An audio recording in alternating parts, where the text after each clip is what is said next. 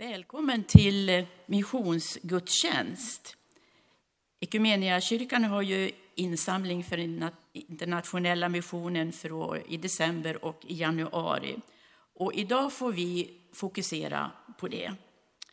Och vi säger speciellt välkommen till Kristina Färdeman som har åkt hit ända från Katrineholm. Så du är speciellt välkommen till oss.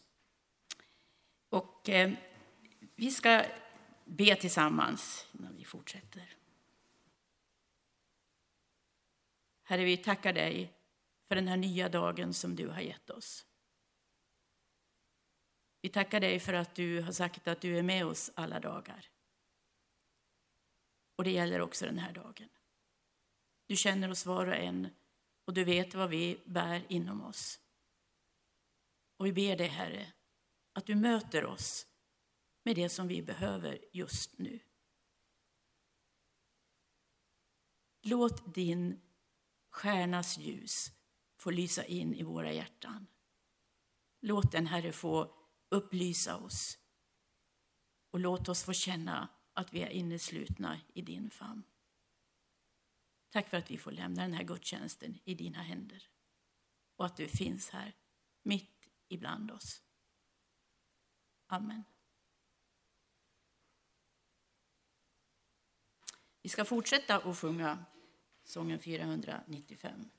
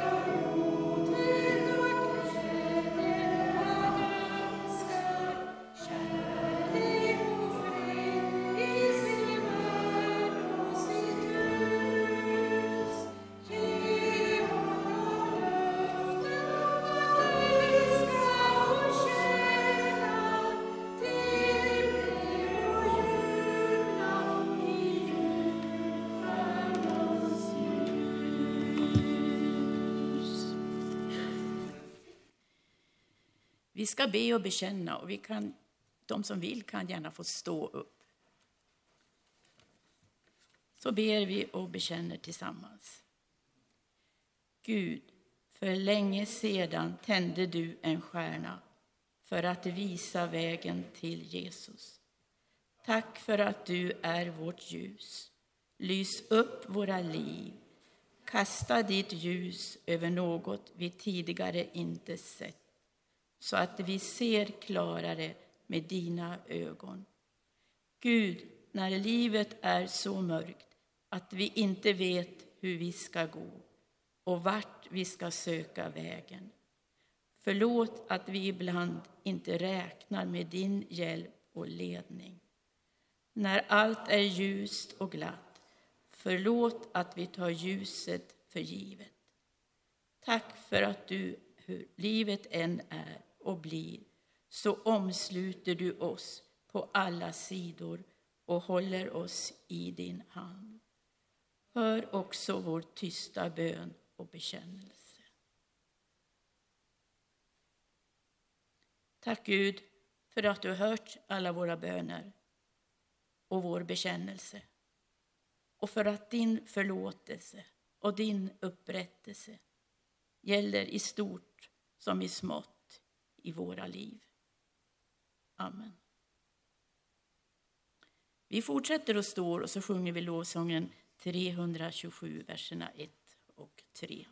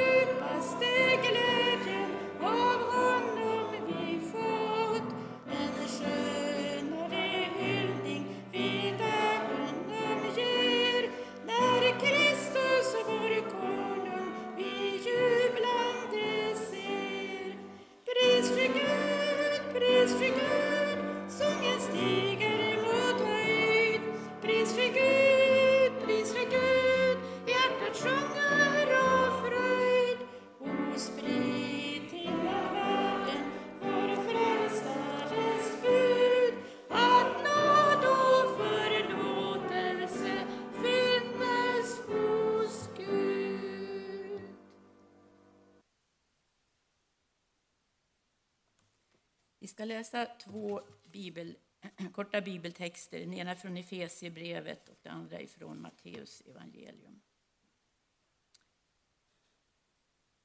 Jesus Kristus kommer med budskap om fred för er som var långt borta och fred för dem som var nära. Ty genom honom kan både vi och ni nalkas Fadern i en an, enda ande. Alltså är ni inte längre gäster och främlingar utan äger samma medborgarskap som de heliga och har ert hem hos Gud. Och så de välkända orden från Matteus evangeliet. De elva lärjungarna begav sig till Galileen, till det berg dit Jesus hade befallt dem att gå. När de fick se honom där föll de ner och hyllade honom men några tvivlade. Då gick Jesus fram till dem och talade till dem. Åt mig har getts all makt i himlen och på jorden. Gå därför ut och gör alla folk till lärjungar. Döp dem i Faderns och Sonens och den helige Andes namn och lär dem att hålla alla de bud jag har gett er. Och jag är med er alla dagar intill tidens slut.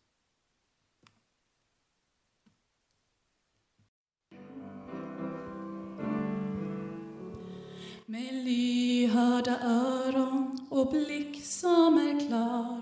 Respekt för att alla bär frågor och svar. Vi möter den andre och båda får gro. Växa i kraft av värme och tro.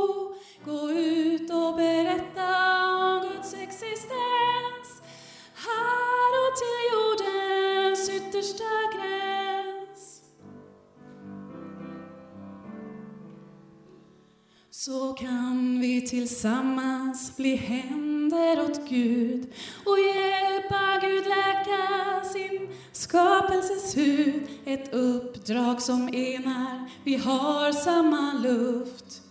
Må vi ha vilja, tro och förnuft gå ut och berätta om Guds existens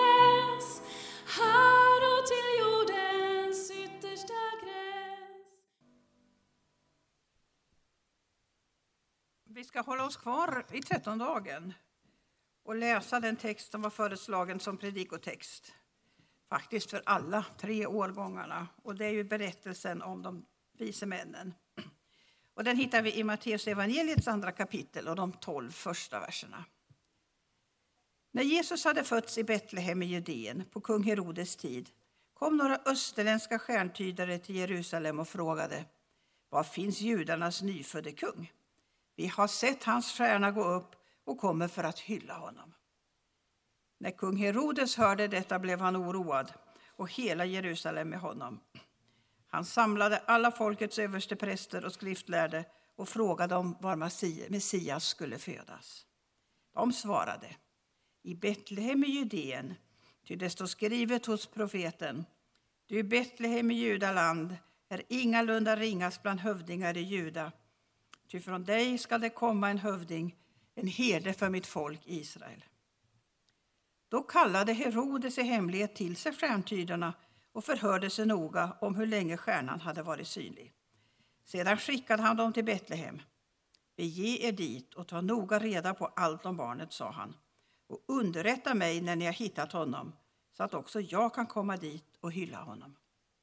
Efter att ha lyssnat till kungen gav de sig iväg, och stjärnan som de hade sett gå upp gick före dem tills den slutligen stannade över den plats där barnet var. När de såg stjärnan fylldes de av stor glädje. De gick in i huset och där fann de barnet och Maria, hans mor, och föll ner och hyllade honom. De öppnade sina kistor och räckte fram gåvor, guld och rökelse och myrra. I en dröm blev de sedan tillsagda att inte återvända till Herodes, och de tog en annan väg hem till sitt land. Amen.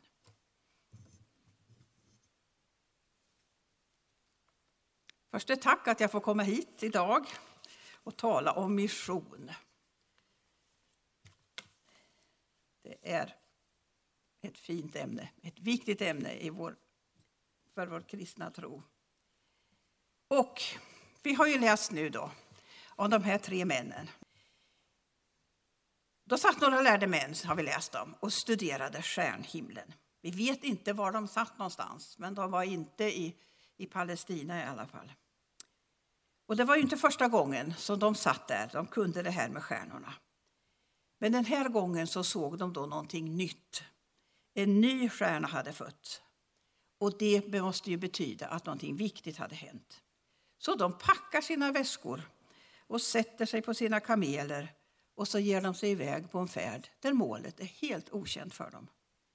Och när de äntligen kommer fram så har de mött Frälsaren. För cirka 150 år sedan, när frikyrkorörelsen började växa fram i Sverige, då satt unga människor runt om i bönhusen och upplevde att Gud kallade dem att resa ut som missionärer. De flesta av dem hade nog aldrig rest någon längre sträcka. Kanske hade de varit i sin närmaste stad. Knappast hade de besökt huvudstaden. Och så får de för sig att de ska resa långt bort till andra länder. De drömmer om Afrika och de drömmer om Kina. Och så far de iväg. Många reste ju till Kongoländerna och andra till Kina. Några for till Ostturkestan, det som idag heter Xinjiang och som vi hör så ofta om på nyheterna, landet där uigurerna bor. Några for till Sydamerika och några for faktiskt till Lappland. Men alla drevs de av en kallelse de ville förkunna Guds ord. De ville förmedla frälsning. Och de slet ont. De som kom till Kongo, de första, de var döda nästan allihopa inom ett par år. De som kom till de muslimska länderna, till exempel Ostturkestan, de möttes av oförståelse och förföljelse. Och de som kom till Kina de fick uppleva inbördeskriget och slutligen så blev de fördrivna när kommunistregimen kom till makten. Av de kyrkor som de grundade så har ju några av dem vuxit till stora kyrkor i länder som idag definierar sig som kristna. Kristendomens centrum är ju inte längre Europa. De största grupperna av kristna finns idag i Afrika och i Sydamerika. Andra kyrkor har aldrig vuxit till något stort, men de lever som minoriteter i sina länder. Och det kristna budskapet har ju nått ut i princip till hela världen. Idag är det ju ingen större uppoffring att vara missionär. Åtminstone inte materiellt sett. De flesta utsända lever ett hyfsat gott liv. Att vara kristen kan däremot vara förenat med livsfara i många länder. Det kan ju vi i Sverige även komma i kontakt med. Vi kan möta många flyktingar som har varit tvungna att fly för sin tros skull. Och vi möter också många från muslimska länder som har konverterat till kristen tro men som inte blir trodda i asylprocessen. Vi kan ju läsa många hårresande berättelser om hur de misstänkliggörs och vilka absurda frågor de får svara på för att bevisa sin trovärdighet. Frågor som de flesta av oss aldrig skulle kunna svara på. Och idag så samlas vi runt vårt gemensamma ansvar för missionen. Vi tillhör ju ett samfund som har bildats av tre tidigare samfund, var och en med sin egen missionshistoria. Själv kommer jag från Missionsförbundet. För oss har missionen i Kongo varit det riktigt stora intresset. Men även det allra nyaste missionsfältet Ecuador, som var mitt arbetsfält. Ni som härstammar från baptistsamfundet har ju också en lång historia med Kongo, men också med Thailand. Och med metodisterna så fick vi kontakter bland annat i Liberia och Mosambik. Ekumeniakyrkan har idag samarbete med närmare 30 olika kyrkor. Och genom dem så kommer vi i kontakt med kristna över hela världen. Och genom dem får vi lära oss mer om hur det var, är att vara kristen i olika delar av världen. Vi samarbetar med kyrkor som kan leva i lugn och ro utan att någon ifrågasätter deras existens. Många av dem finns ju i länder som definierar sig som kristna. Och det jag känner bäst till är situationen i Ecuador. Där vår systerkyrka, den som vi kallar för Pactokyrkan, på spanska heter den La Iglesia del Pacto del Ecuador. Det är visserligen en liten kyrka i sammanhanget, men de kan arbeta var de vill och hur de vill. De kan evangelisera och arbeta för att deras egen kyrka ska växa i antal. Vi samarbetar med ett mentorsprogram för pastorer.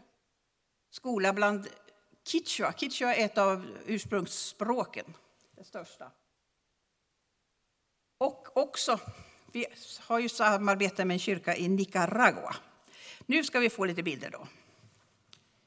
Här har vi kyrkan i Montecristi. Och i Montecristi bor några som ni känner, nämligen familjen Hermansson. Och Andrea Hermansson har en bror som heter Christian Vallejos. Och han är pastor i den här kyrkan.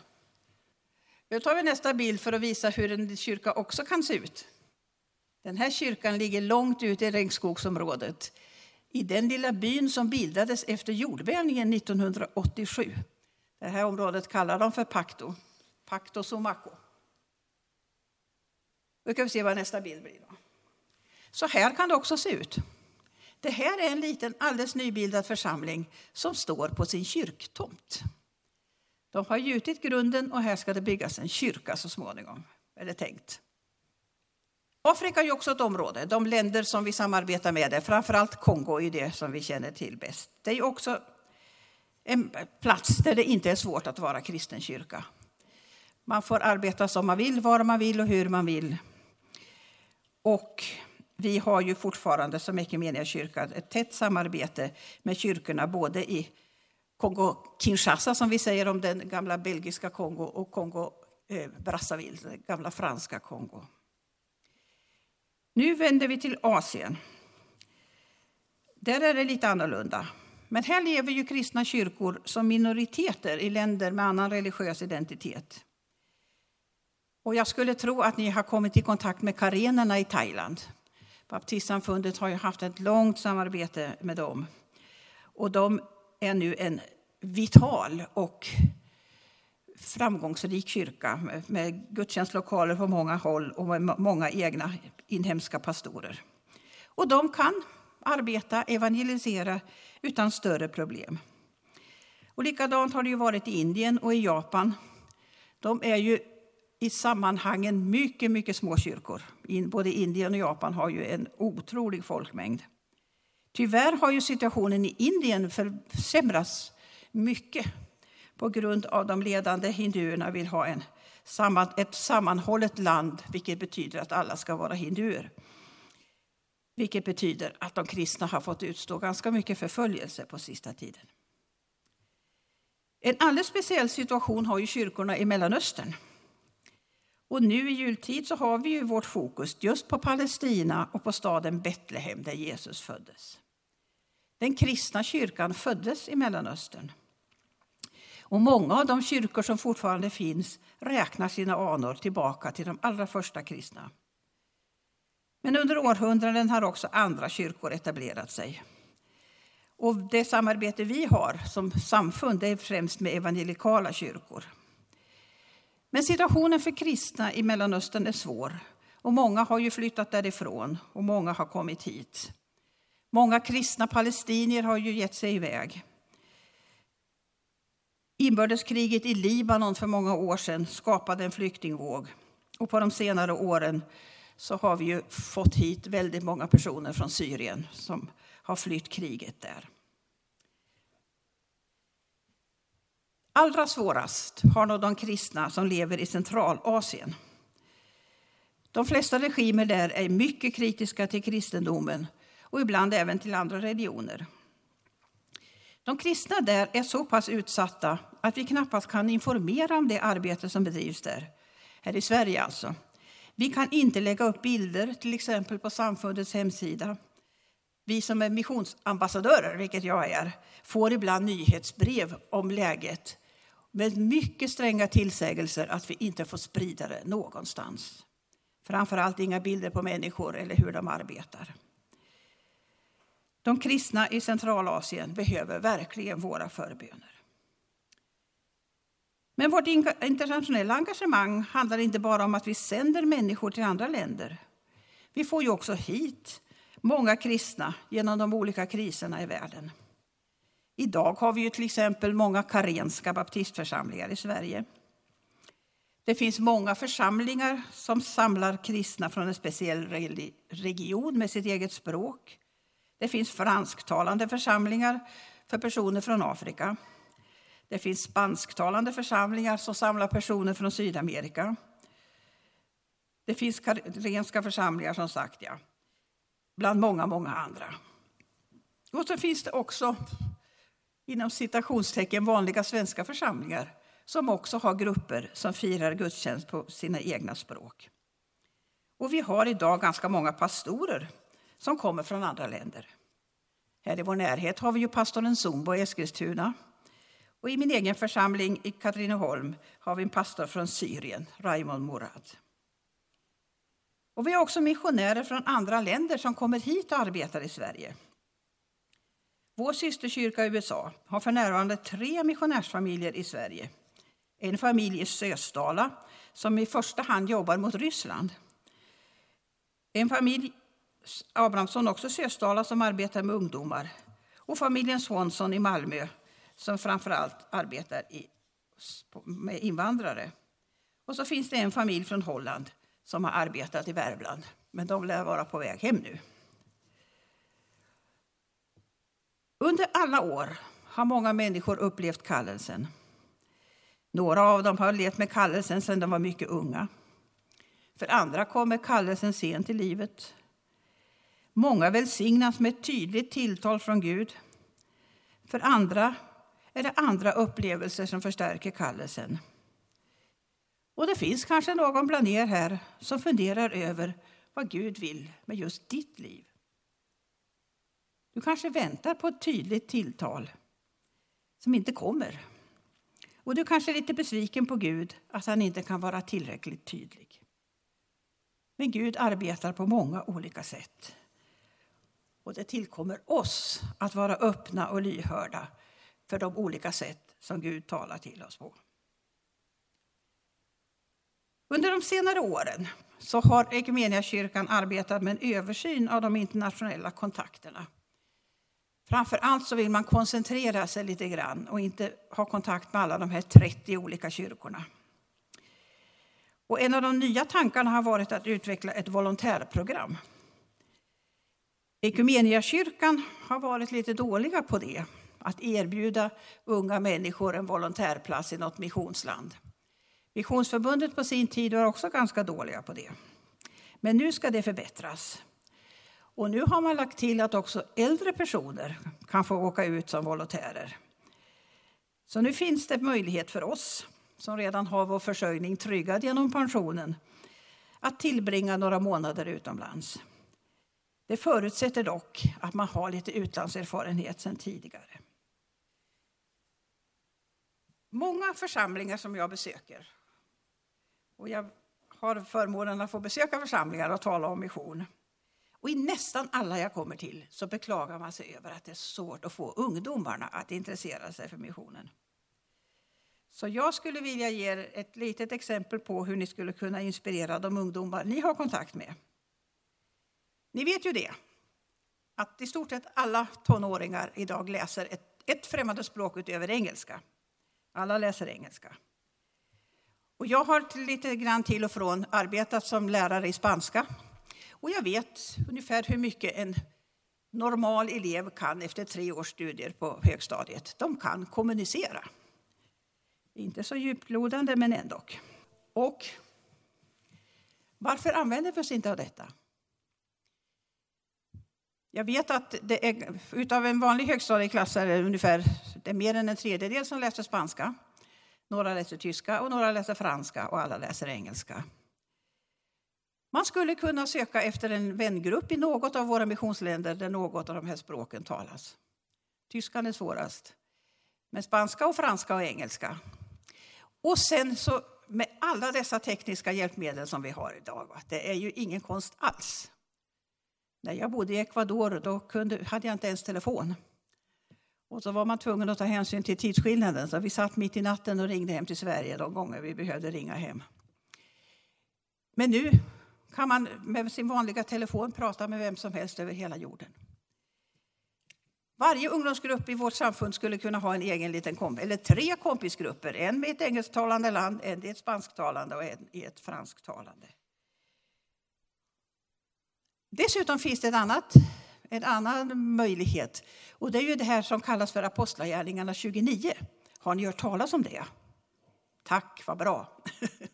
Ibland möter jag församlingar som inte har hört talas om det.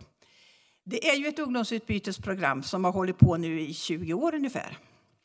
Det startade i Ecuador. Varje gång så möts alltså mellan 15 och 20 ungdomar från två eller tre eller fler länder Senast var de i Ecuador. Just nu planerar de för en som ska starta om en månad i Mexiko.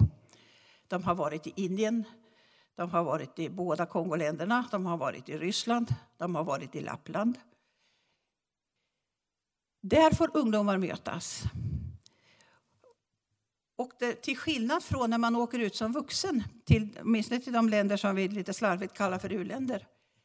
När man som vuxen kommer i ett sådant land, då kommer man upp på något sätt uppifrån.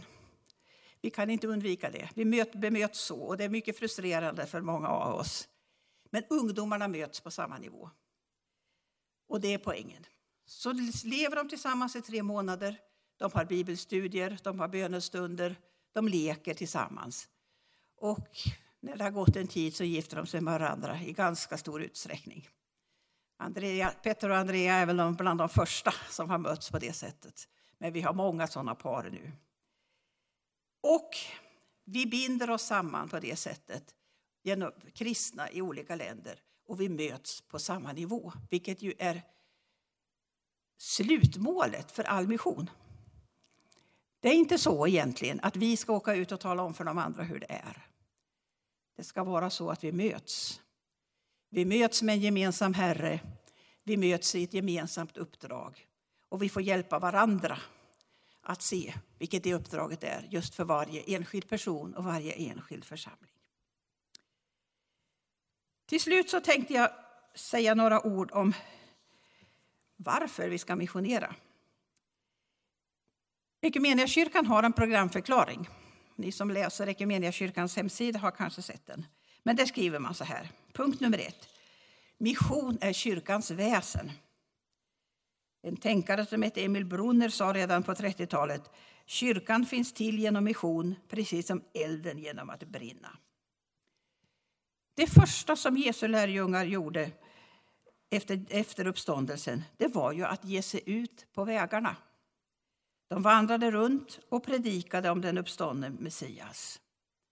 Så småningom förstod de att de inte bara skulle predika för judar och budskapet vandrade vidare genom Paulus ut till de som de kallade för hedningarna.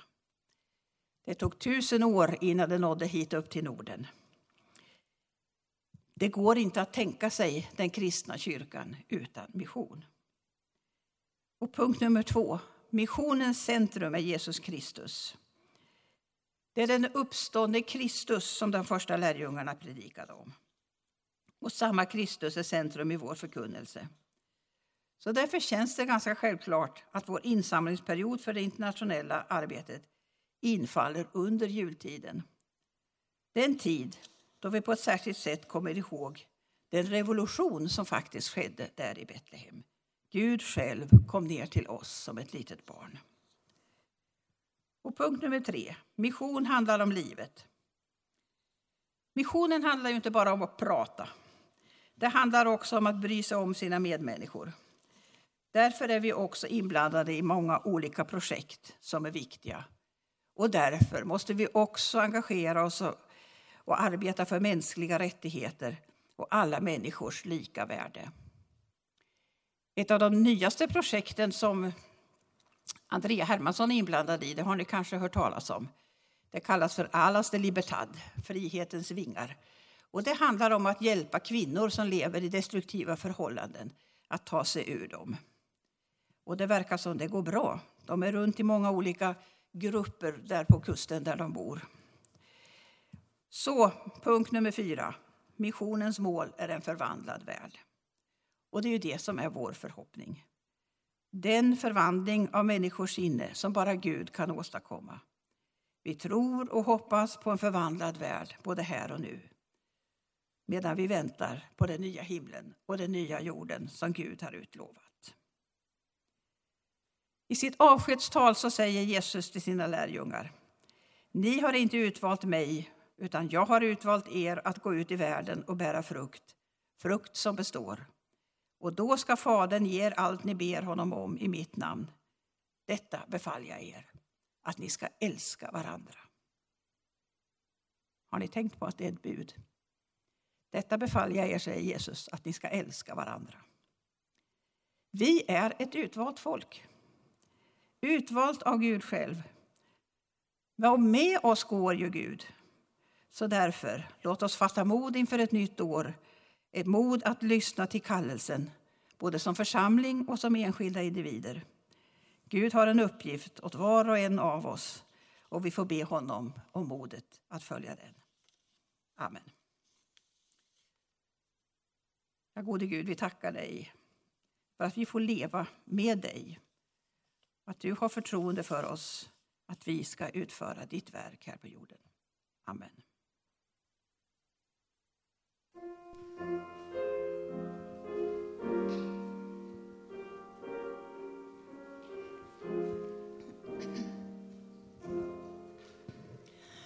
Från träden hör jag fågeln i gryningen en dag en oförklarlig känsla befriar mig från krav.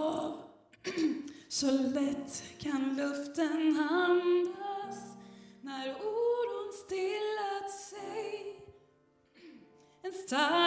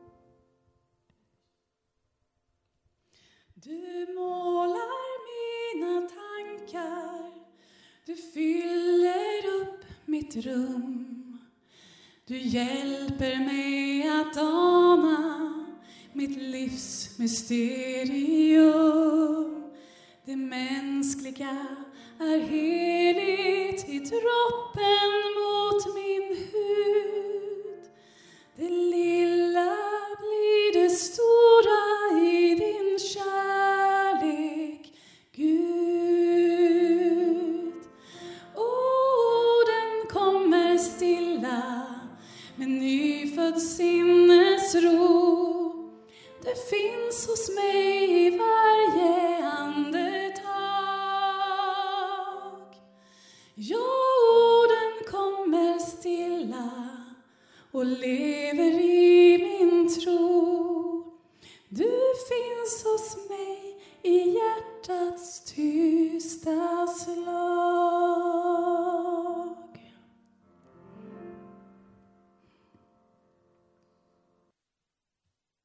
Vi ska avskilja en stund i bön.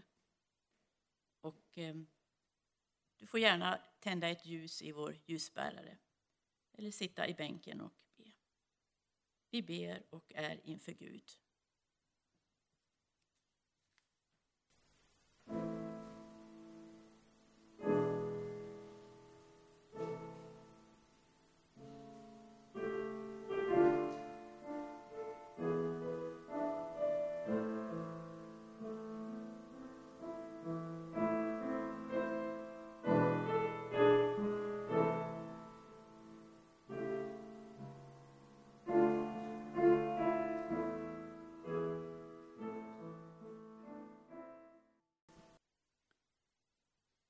Gud, så har vi fått börja det nya året i ditt namn.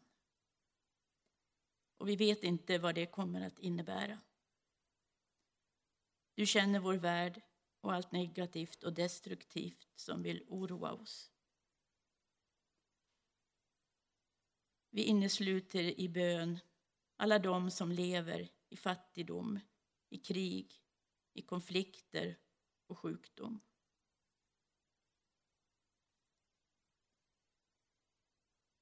Vi ber för våra missionärer och hjälparbetare som du har kallat att lindra nöden och att föra evangeliet vidare. Ge dem av din Andes kraft och hjälp och inspiration och mod. Vi ber också för vårt land och vår stad. Vi ber för dem som ligger inlagt, det som ligger inlagt i de tända ljusen i ljusbäraren.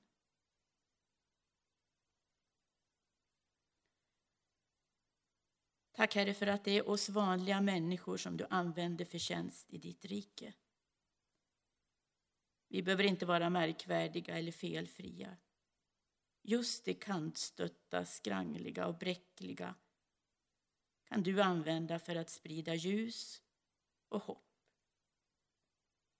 Herre, den tomma krukan fyller du. Det som ingenting är kan få ny kraft i dig. Bär mig, Herre, över djupen där jag inte bottnar. Lyft mig över hinder som känns alltför höga. Håll mig fast och stadigt så jag ej går vilse. Du som låter mig födas. Hjälp mig nu att leva. Vi ber också den bön som vår Herre har lärt oss. Vår Fader, du som är i himlen. Låt ditt namn bli helgat. Låt ditt rike komma. Låt din vilja ske på jorden så som i himlen. Ge oss idag det bröd vi behöver och förlåt oss våra skulder liksom vi har förlåtit dem som står i skuld till oss. Och utsätt oss inte för prövning utan rädda oss från det onda. Ditt är riket, din är makten och äran i evighet. Amen.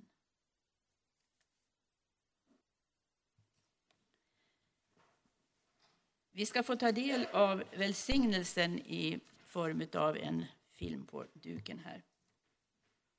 Och sen kommer Petra att spela lite musik och då så finns det möjlighet att under den musiken swisha en liten eh, summa pengar till vår internationella mission, om du vill det. Och det finns också vid utgången en kollekt som vi kan lägga pengarna i. Herren välsignar er och beskyddar er. Herren låter sitt ansikte lysa mot er och visar er nåd. Herren vänder sitt ansikte till er och ger er sin fred. 主があなたを祝福し、あなたを守られますように。主が御顔をあなたに照らし、あなたを恵まれますように。 主が御顔をあなたに向け、あなたに平安を与えられますように。Que l'Éternel vous bénisse et qu'il vous garde. Que l'Éternel tourne sa face vers vous et qu'il vous pardonne. Que l'Éternel oriente son regard vers vous et qu'il vous donne sa paix. I Faderns och Sonens och den heliga Andes namn. Amen.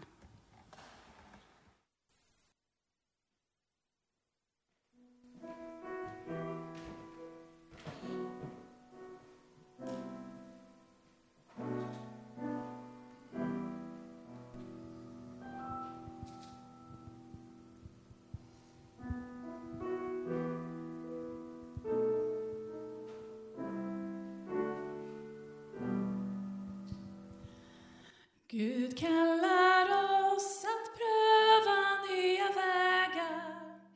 Det är ej lätt, men öppnar nya världar. Tiden är mogen just nu, förändringens tid. Jag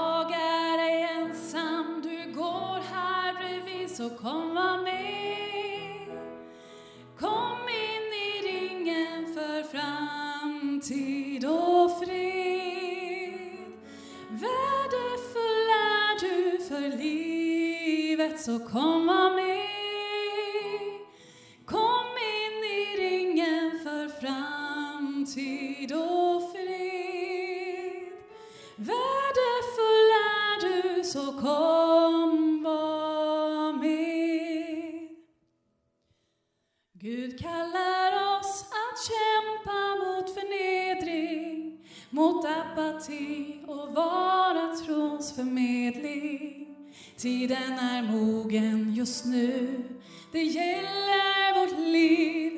Jag är ej ensam, du går här bredvid, så kom var med.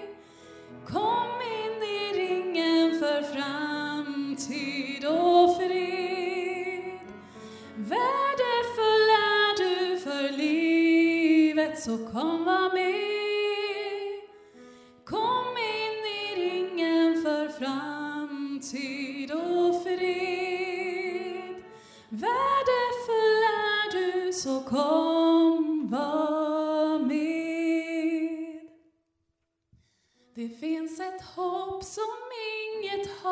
Hota som helar sår som ingen kunnat bota. Vår längtan skapar nytt liv, förvandlingens liv. Jag är ensam, du går här bredvid, så kom var med.